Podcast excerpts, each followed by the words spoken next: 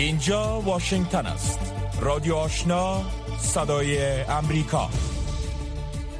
شنوندگان گرامی سلام شب همه شما بخیر. و برنامه خبری رادیو آشنا خوش آمده نسرین محمود عزیزی هستم و با همکارانم برنامه این ساعت 18 آگوست سال 2022 میلادی را به توجه می رسانم. انفجار روز چهارشنبه 17 آگوست در داخل یک مسجد در ساحه کوتل خیرخانه منت در شهر کابل باعث کشته شدن و زخمی شدن ده نفر دیگر شده است. گزارش مفصلی را در زمینت از همین برنامه خواهید شنید. اما نخواست همکارم قدیر مشرف اخبار افغانستان منطقه و جهان را به توجه می رساند.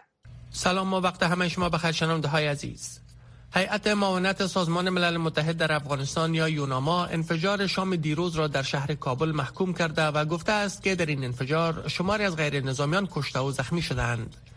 در انفجار شام چهارشنبه در مسجد جامع صدیقیه در منطقه کوتل خیرخانه به گفته مقامات طالبان 21 نفر کشته شده و 33 تن دیگر مجروح شدند. یونما گفته است که وضعیت امنیتی در کابل بدتر شده و از مقام های طالبان خواسته که باید اقدامات مشخصی را برای جلوگیری از هر گونه حملات در این کشور روی دست گیرند. یوناما در رشته پیام های در تویتر نگاشته که باید از جوامع آسیب پذیر در افغانستان حمایت بیشتر صورت گیرد و عاملان این انفجارات به عدالت کشانیده شود. ملل متحد ضمن ابراز نگرانی از ادامه این حملات گفته است که در رشته انفجارات هفته های گذشته در افغانستان تا کنون بیش از 250 نفر کشته و زخمی شدند. به گفته یوناما این بالاترین میزان تلفات ماهانه غیر نظامیان در جریان یک سال گذشته بوده است. حکومت طالبان حمله روز گذشته در شهر کابل را محکوم کرده و گفتند که عاملان این حمله بازداشت و مجازات خواهند شد. به دنبال تداوم بسته ماندن مکاتب دوره متوسطه و لیسه دختران در افغانستان دیدبان حقوق بشر خواستار رفع معافیت سفرهای خارجی سران طالبان شد. زبیولا مجاهد سخنگوی حکومت طالبان نیز در گفتگوی تازه با یکی از رسانه های داخلی افغانستان گفته است که هنوز اختلافات رهبری آنان در خصوص بازگشایی مکاتب بالاتر از صنف ششم بروی دختران حل نشده است. پس از این اظهارات طالبان هیدربار مسئول بخش زنان در دیدبان حقوق بشر امروز پنجشنبه 18 مگست گفته است که طالبان به این زودی مکاتب دختران را بازگشایی نخواهند کرد خانم بار در تویترش نگاشته است که زمان آن رسیده تا جامعه بین‌المللی از انتظار دست بردارد و با گزینه های فوری آموزشی جایگزین برای دختران و ممنوعیت سفر و سایر اقدامات علیه رهبران طالبان به این واقعیت پاسخ دهد. بر اساس گزارش خبرنگار الجزیره به نقل از دیپلمات ها شورای امنیت سازمان ملل متحد روی تمدید ممنوعیت سفر برای مقامات طالبان به بنبست رسیدند آماندا پرایس خبرنگار الجزیره به نقل از دیپلمات ها در یک پیام تویتر نگاشته است که امروز پنجشنبه بریتانیا، فرانسه، البانیا و آیرلند با ابراز نظر مخالف علیه یک پیشنهاد توسط روسیه و چین برای تمدید معافیت 13 مقام طالبان برای 90 روز مانع عملی شدن این پیشنهاد شدند. پیشنهاد ایالات متحده برای تمدید معافیت ها برای شش مقام تنها برای سفر به قطر با مخالفت چین و روسیه مواجه شد. معافیت ممنوعیت سفر برای 13 تن از مقامات طالبان فردا جمعه 19 آگوست به پایان می رسد و قرار است که پس از آن شورای امنیت سازمان ملل متحد در مورد تمدید یا رفع این معافیت ها تصمیم بگیرد.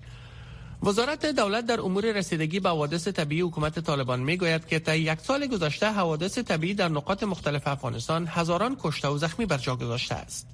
بر اساس آمار این وزارت در نتیجه حوادث طبیعی چون زلزله، ها و سایر رویدادهای اینچنینی در این مدت 1511 نفر جان باخته و بیش از 3700 نفر دیگر مجروح شدند. محمد سلیم حقانی رئیس پلان و پلیسی وزارت دولت در امور رسیدگی به حوادث طبیعی حکومت طالبان امروز پنجشنبه 18 اگست به خبرنگاران گفت که برای هر خانواده جان باخته 100 هزار افغانی و برای خانواده های زخمیان نیز پول نقد کمک صورت گرفته است. جزیات را پس از خبرها خواهید شنید. طالبان نشستی را زیر نام گرد همایی بزرگ مردمی با حضور مقام های این گروه و صدها تن از چهره های مذهبی در ولایت قندهار برگزار کردند. حاجی زید سخنگوی ولی قندهار امروز پنجشنبه 18 مگس به خبرنگاران گفت که در این نشست حدود سه هزار عالم دین، بزرگان قومی، فعالان جامعه مدنی و فرهنگیان از سراسر افغانستان اشتراک کردند اما در این همایش هیچ زن حضور ندارد. جزئیات بیشتر از رویا زمانی مقام های طالبان گفتند که در این نشست روی موضوعات اقتصادی، سیاسی، مشروعیت داخلی، تلاش برای دعوت مقام های حکومت پیشین به افغانستان و اطاعت مردم از نظام کنونی بحث و گفتگو خواهد شد. برخی از خبرنگاران محلی در قندهار گفتند که این گرد همایی در یک تالار عروسی و تحت تدابیر شدید امنیتی در مربوطات ناحیه دوم این شهر برگزار شده است. به گفته آنان افراد طالبان بسیاری از جاده های منتهی به محل برگزاری این نشست را مسدود کرده و از روز گذشته به این سو از تردد مردم به این ساحه جلوگیری کردند. در جریان دو ماه گذشته این دومین نشست بزرگ است که سوی طالبان در کابل و قندهار برگزار می شود. نخستین همایش بزرگ این گروه به تاریخ سیوم جون نهم سرطان تحت تدابیر شدید امنیتی در خیمه لوی جرگه در شهر کابل برگزار شده بود. با آنکه طالبان گفتند که با برگزاری نشست ها می‌خواهند مطمئن شوند که جامعه در مسیر مثبت قرار دارد و دیدگاه عامه مردم را در مورد مسائل حاد کشور داشته باشند. اما مخالفان و منتقدین طالبان این نشست ها را تلاش این گروه برای کسب مشروعیت خواندند. ادامه خبرهای افغانستان منطقه و جهان را از رادیو آشنا میشنوید. ند پرایس سخنگوی وزارت خارجه امریکا با بیان این که واشنگتن به مسئله برجام از جنبه امنیت ملی نگاه می کند گفت که حکومت به رهبری بایدن در صورت احیای توافق هسته‌ای به آن پایبند خواهد بود. آقای پرایس در این حال افزود که امریکا هنوز سرگرم بررسی پاسخ ایران به متن پیشنهادی جوزف بورل مسئول سیاست خارجی اتحادیه اروپا به عنوان متن توافق احیای برجام است. با توجه به تاکید پرایس بر اهمیت این موضوع از دیدگاه امنیت ملی احتمال دارد حکومت بایدن تا چند روز دیگر ارزیابی خود را از پاسخ ایران به اتحادیه اروپا بدهد. البته به گفته پرایس این پاسخ محرمانه خواهد بود. در اثر طوفان ناگهانی باران در غرب چین که باعث لغزش زمین و سرازیر شدن سیلاب ناشی از بلند رفتن سطح آب دریا شد کم از کم 16 نفر در مناطق آسیب دیده جان باخته و 18 تن دیگر ناپدیدند. اسوشیتد پرس به نقل از رسانه دولتی چین گزارش داده است که گروه نجات که نخست گفته بودند 36 نفر ناپدیدند 18 تن را در اوایل ظهر امروز پیدا کردند. رسانه دولتی چین گفته است که فاجعه چهارشنبه شب حدود 6 هزار نفر را در شش قریه ولایت چینگهای متاثر ساخته است. چین در تابستان امسال با بارانهای شدید و سرازیر شدن سیلاب در برخی از مناطق این کشور و گرمای شدید و خشکسالی در مناطق دیگر مواجه است. انتونیو گوترش منشی عمومی سازمان ملل متحد و رجب طیب اردوغان رئیس جمهور ترکیه امروز پنجشنبه وارد اوکراین شدند. سفر این دو مقام در حال به اوکراین صورت می‌گیرد که شهرهای مختلف این کشور امروز پنجشنبه نیز شاهد درگیری ها بود. جزئیات بیشتر از فوزیه احسان هدف از این سفر دیدار با رئیس جمهور اوکراین و بحث پیرامون بحران غذایی در جهان تهدیدها در برابر نیروگاه هسته‌ای زپوریژیا در اوکراین و تلاش برای دریافت راه حل سیاسی جهت خاتمه بخشیدن به تهاجم روسیه عنوان شده است. سفر منشی عمومی سازمان ملل متحد و رئیس جمهور ترکیه به اوکراین در حالی صورت می‌گیرد که جنگ در نقاط مختلف این کشور ادامه دارد. اردوی اوکراین امروز ادعا کرد که یک حمله روزها را در شهر جنوبی خرسون عقب زدند و 29 سرباز روسی را کشتند. در این حال روسیه ادعا کرده است که یک پایگاه جنگجویان خارجی را در خارکیف هدف قرار داده و 90 تن از این جنگجویان را کشته است بر اساس گزارش ها در نتیجه حملات امروز و دیروز روسیه بر شهر خارکیف حداقل 11 فرد ملکی کشته شده و حدود 40 تن دیگر زخمی شدند فعالین زن امروز پنجشنبه در دهلی جدید گرد هم آمده و علیه تصمیم حکومت برای رهایی 11 مرد محکوم به حبس ابد اعتراض کردند که به جرم تجاوز گروهی بر یک زن مسلمان باردار در گجرات هند زندانی اند. این افراد در جریان خشونت های مذهبی سال 2002 پس از آن که با احکام تعلیقی از زندان رها شده بودند دست به تجاوز گروهی زده بودند. اعتراض کنندگان از حکومت خواستند تا تصمیم خود را در این خصوص لغو کند. راول گاندی قانونگذار مخالف حکومت نرندرا مودی صدر اعظم هند را انتقاد کرده و گفته است که چه نوع پیامی را از سوی حکومت به زنان هند ارسال کرده که ادعا می کند می خواهد زنان را قدرتمند سازد. و سربستان و کوسوو دو رقیب دوران جنگ امروز پنجشنبه مذاکرات سطح بلند را در بروکسل برگزار می کنند. میانجی های اتحادیه اروپا ابراز امیدواری کردند که این مذاکرات به کاهش تنش های رو به افزایش در منطقه بالقان منجر شود. امیدهایی که بتواند پیشرفت بزرگ ایجاد کند از دیدار نادر رو در روی رئیس جمهور سربستان با صدر کوسوو کمتر انتظار برده می شود ینز سولتنبرگ منشی عمومی ناتو به گونه جداگانه روز چهارشنبه با دو رهبر در بروکسل دیدار کرده است. اتحادیه اروپا گفته است که اگر سربستان و کوسوو می‌خواهند که به این اتحادیه ملحق شوند بایست روابط خود را عادی سازند. پایان خبرهای افغانستان منطقه و جهان از رادیو آشنا صدای امریکا شنوندگان گرامی رادیو آشنا صدای امریکا نشرات رادیو آشنا را در موج متوسط 1296 موج کوتاه 11575 اشاری سفر و در موج 972 کیلوهرتز شنیده می توانید. شنوندگان عزیز اخبار افغانستان منطقه و جهان را از رادیو آشنا شنیدید آن هم توجه نمایید به گزارش هایی که برای شما برگزیده ایم همانطوری که در آغاز برنامه شنیدید انفجار روز چهار شنبه 17 آگست در داخل یک مسجد در ساحه کوتل خیرخانه مینت در شهر کابل باعث کشته شدن حداقل 35 نفر و زخمی شدن ده تن دیگر شده است. تا کنون مسئولیت این انفجار را فرد یا گروه به عهده نگرفته است و این واقعه واکنش های ملی و بین المللی را نیز به دنبال داشته است. جزیات بیشتر را از همکار ما فرخنده پیمانی میشنوید. هیئت معاونت ملل متحد برای افغانستان یا یونما ساعت پیش وقوع حمله دیروز بر مسجد جامع صدیقیه در کوتل خیرخانه شهر کابل را تقبیح کرد و گفت که با بدتر شدن وضعیت امنیتی در افغانستان ملل متحد از حکومت طالبان می‌خواهد تا جلو همه اشکال و انواع دهشت افغانی در افغانستان را بگیرد. یونما همچنان گفته است که بخش های آسیب پذیر جامعه افغانستان باید حمایت بیشتر دریافت کنند و عاملین حملات باید به عدالت کشانیده شوند. خالد زدران سخنگوی قماندانی امنیه طالبان برای کابل به صدای امریکا گفت که در انفجار دیروز که هنگام ادای نماز شام به وقوع پیوست حداقل 21 نفر کشته و 33 نفر دیگر زخمی شدند. به گفته آقای زدران تمامی قربانیان این انفجار غیر نظامیان و به ویژه نمازگزاران اند. برخی از شاهدان عینی گفتند که این انفجار ناشی از ماین جاسازی شده در داخل مسجد بوده که هنگام ادای نماز منفجر شد. در نماز شام دیروز ما خودم آدم نماز استاد شدیم که انفجار صورت گرفت بسیار یک انفجار قویه در داخل مسجد تقریبا یک 25 نفر یا 24 نفر. کشته داشت همه قدر زخمی. بیش از این شفاخانه امرجنسی کابل در یک پیام تویتر نوشته بود که از محل حادثه 27 نفر مجروح به این شفاخانه منتقل شده که در میان آنان پنج کودک شاملند.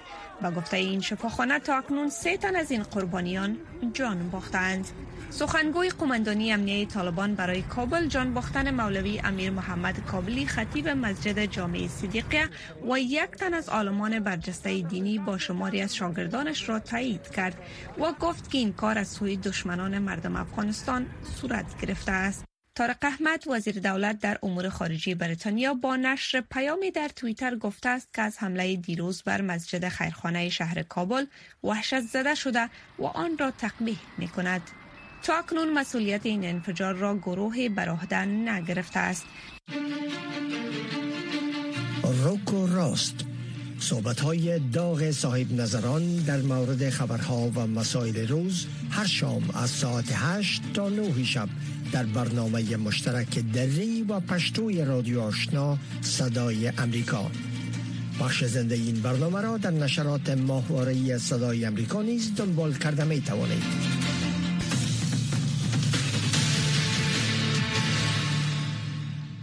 تصمیم شورای امنیت سازمان ملل متحد به دلیل تمدید یا رفع معافیت منع سفر برای شماری از مقامات طالبان بعد از آن به بنبست رسید که دیپلمات ها گفتند پیشنهاد روسیه و چین برای تجدید معافیت از ممنوعیت سفر برای 13 مقام طالبان امروز توسط بریتانیا، فرانسه، البانیا و آیرلند مسدود شد. در زمینه توجه نمایید به مصاحبه با آقای رامش سالمی تحلیلگر امور سیاسی در مورد اثرات جانبی این بنبست بر طالبان و موضع گیری کشورها در قبال افغانستان. آقای سالمی بنبست ایجاد شده روی تمدید معافیت ممنوعیت سفر برخی از مقامات طالبان چی پیام را میرسانه یعنی که با توجه به عملکرد طالبان در یک سال جهان می‌خواهی که تعامل خود تغییر بده؟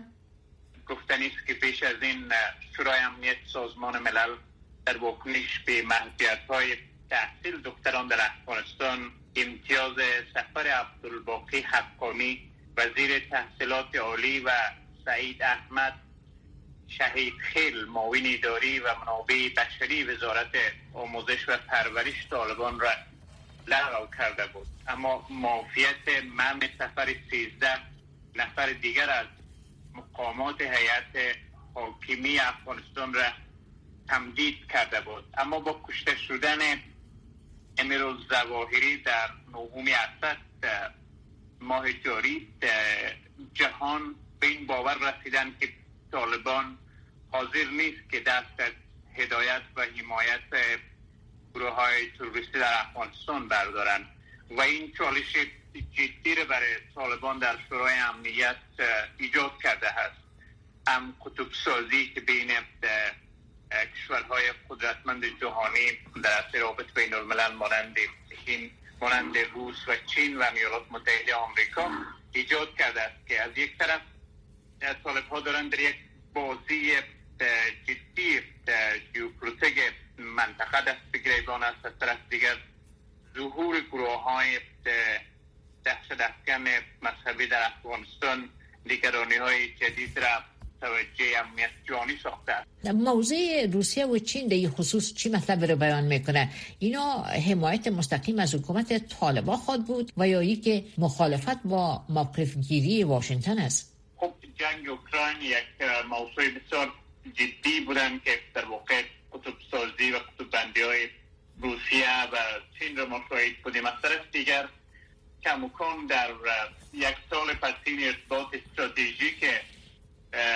طالب ها با روس ها و همچنان چینی ها بیشتر بودن. اینا سفارت های افغانستان را در اختیار طالب ها و در واقع گذاشتن و نشان دادن که اینها بیشتر از هر کشور دیگر از نزدیک با طالبان کار می‌کنن. اما تا هنوز حاضر نشدن که طالبا را به رسمیت بشناسه اما کموکان در دید متفاوت و مثبت نسبت به طالبان دارن به خاطر که از یک طرف شورای بین المللی روی این کشورها متمرکز است و اینا می‌خواین که در بازهای پولیتیک در واقع کشورهای بیشتر را هم سوبی سازن و از طرف دیگر حراس هم در واقع وجود دارن به خاطر که در یک سال پس این تحرکاتی که از افغانستان متوجه کشورهای آسیای میانه عمدتا تاجکستان و ازبکستان بودن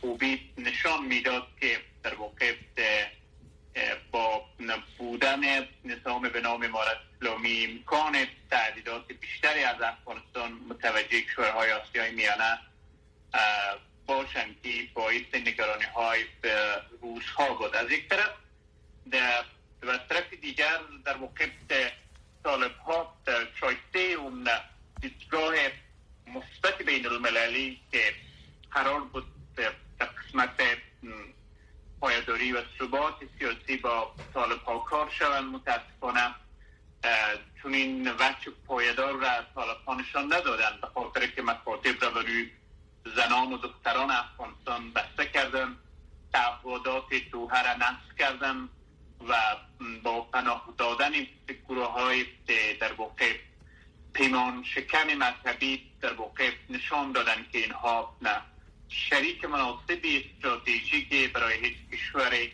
بودن نمی‌تونن. بیلاز حالا پیشنهاداتی که از سوی کشورهای متعدد با مذرت جناب آقای سالمی حرف شما را ختم می‌کنم اگر شورای امنیت ملل متحد روی تمدید معافیت سفر 13 مقام طالبان طوری که شما اشاره کردین به توافق نرسه عواقب ازی بر طالبان چه خواهد بود؟ اونچه که بسیار مهم هست برای مقطع سفر وزیر خارجی طالب های متحقی هست که با مقامات بیشتری در منطقه رایزنی می‌کنن روی در واقع رسمیت شناختن امارت اسلامی با کشورها و اینها در واقع اون فرصت بازیشی های امارت اسلامی افغانستان را زیر سوال می‌برم. و طرف دیگر در واقع همون ارتباط استراتژیکی که طالبان انتظار داشت که با جامعه بین المللی در واقع احیا کنن همون ارتباط کم کم دارن به حاشیه میرن. صدای امریکا رادیو آشنا صد پنج اف ام.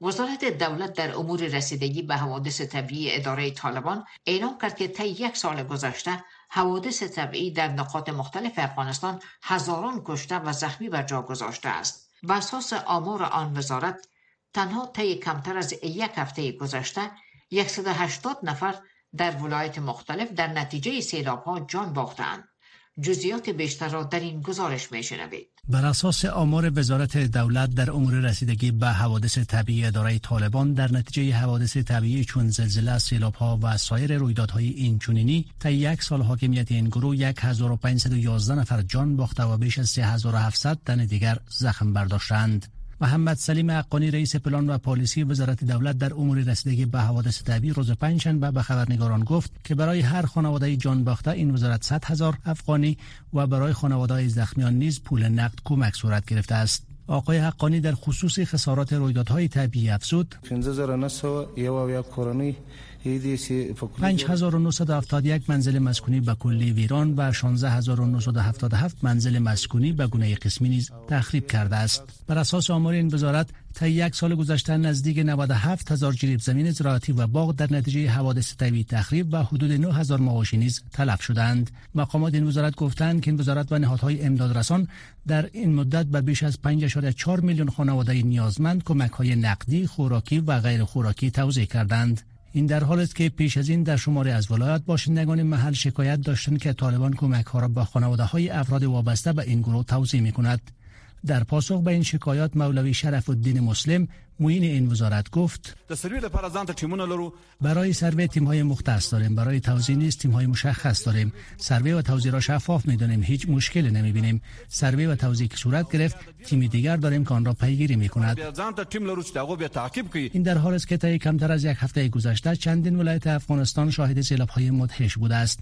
بر اساس آمار وزارت دولت در امور رسیدگی به حوادث طبیعی اداره طالبان این سیلاب ها 180 کشته و بیش از 200 زخمی بر جا گذاشته است. است. یکی از ولایتی که بیشتر این آسیب را دیده پروان است. شماری از باشندگان ولسوالی های سیاگرد و شنوار این ولایت می‌گویند که همه دار و ندارشان را سیل برده است. رحیم و عزت الله دوتن از آسیب دیدگان سیلاب در پروان. امروز اول که میجره برد دولت بخی نامده پرسان کنه شب کجا بوده چی خورده کجا رفته. همین یک یک دانه خیمه یک زده که جایش باشه که ما بریم اونجا یک سرپناه خود جور کنیم. ضرورت خود کل چیز است ما غیر از این لباس جان خود داره میرم از امسا گرفته ایم که یکان خانه یک جور مونده دیگه چیزی نیست دیگه. در سیل که ما حساب کن شاید از 40 لک زیاد خسارت کرده یک زمین در لب دریا داریم که هر سال در اومد دو دلار خرج بکنم این فعلا هم 170 تا گبیت نمیشه چی کردم. یک برو قدم گابیان باسته قدم سنگ منگش برده دیگه زمین مونده بر علاوه سیلاب های پسین در اواخر ماه جون شماره از ولایت های جنوب شرقی افغانستان شاهد زلزله مرگباری بود که در آن بیش از یک هزار نفر کشته و سه هزار نفر دیگر زخمی شدند بر اساس آمار سازمان های خیریه بین و مقامات محلی طالبان بر علاوه تلفات انسانی در حدود 3000 منزل مسکونی در ولایت های پکتیکا و خوست ویران شده است. معین وزارت دولت در امور رسیدگی به حوادث اداره طالبان گفت که نهادهای امدادرسان از جمله کمیشنری عالی ملل متحد در امور پناهندگان وعده کرده است که برای آسیب دیدگان زلزله در شرق افغانستان منازل مسکونی را اعمار می کند. آقای مسلم افسود بردش یک دو میلیارد افغانی دو هزار خانه می سازند که یک هزار خانه در ولسوالی گیان مربوط پکتیکا و یک هزار خانه هم در ولسوالی برمل. این برنامه آنهاست که با ما امضا کردند. همچنان وزارت دولت در امور رسیدگی به حوادث اداره طالبان برای ایجاد شهرک در ولسوالی گیان پکتیکا در دو منطقه زمین دولتی را مشخص کرده که در یکی از این دو منطقه برای زلزله زدگان شهرک اعمار خواهد شد. رادیو آشنا صدای امریکا. پنج تا هفت صبح و هفت شام تا ده شب.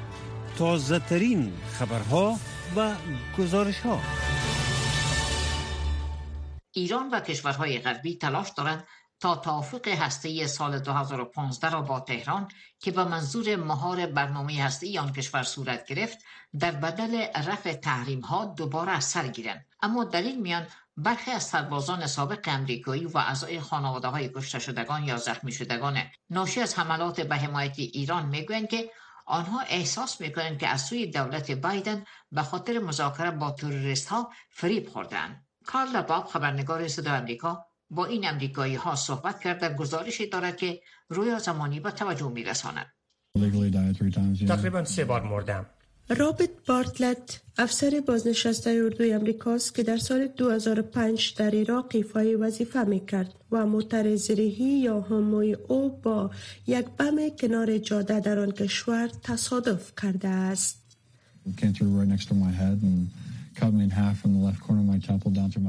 موترم از طرف راست با بم کنار جاده تصادم کرد و از گوشه پیشانی در سمت چپ تا به دندانهایم از هم جدا پاره شد. همکار دیگرم پاهای خود را از دست داد بالای موتر نیز از بین رفت و من از سمت دیگر موتر خود را به بیرون کشیدم. بارتلت که همراه با خونریزی داخلی و سوختگی شدید به درجه سی بر چهره و بدن از ناحیه شش نیز صدمه دیده بود در همین حال رو به همکار خود کرد.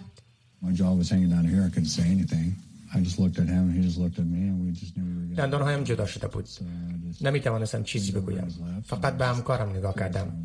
او به من نگاه کرد. و ما تنها می دانستیم که با هم خواهیم مرد. یگانه چیزی که کردم با او تکیه کردم و او مرا در آغوش خود گرفت و ما تلاش کردیم تا تسلیم مرگ نشویم. اما بارتلت سه بار تا نزدیکی های مرگ رفت. بار اول در یک شفاخانه نظامی محلی دوم در شهر بلد عراق و سوم بار در شفاخانه رید در ایالات متحده امریکا. نشان زنی که با بارتلت نیز بود زنده ماند. اما در این حادثه قماندان ویلیام بروکس در محل حادثه از بین رفت. بمی که به موتر هاموی بارتلت تصادف کرده بود نوع بم های انفجاری بود که به طور خاص برای حمله به وسایل نقلیه زرهی امریکایی ها طراحی شده بود. بریدلی کمان از بنیاد دفاع از دموکراسی ها در این مورد می‌گوید designed these weapons. Iran smuggled these weapons into Iraq. ایران این سلاح را ساخته است و آن را به عراق قاچاق کرد ایران به مردم آموزش داد که چگونه از آنها استفاده کنند صدها و صدها امریکایی هایی هستند که ناشی از انفجار همچه سلاح کشته و یا زخمی شدند در سال 2019 امریکا سپاه پاسداران انقلاب اسلامی ایران را یک سازمان تروریستی خارجی تعیین کرد ایران نکنون می‌خواهد که این وضعیت همراه با تحریم هایی که با آن همراه هست به عنوان بخش از مذاکرات هسته خود با غرب که به برنامه های جامعه اقدام مشترک یا JCPOA مسما است رفع شود. نت پرایس سخنگوی وزارت خارجه ایالات متحده می‌گوید We have made very clear that the JCPOA is about one thing and one thing only. It's about Iran's nuclear program. Uh, if Iran wants these sanctions ما بسیار واضح ساختیم که مذاکرات هسته‌ای فقط و فقط پیرامون برنامه هسته‌ای ایران است. اگر ایران بخواهد این تحریم ها لغو شود، باید رفتار اساسی خود را تغییر دهند. آنها باید فعالیت های خطرناکی را که در قدم اول این تحریم ها را به وجود آورد تغییر دهند. از سوی هم جان کربی سخنگوی شورای امنیت ملی قصر سفید می‌گوید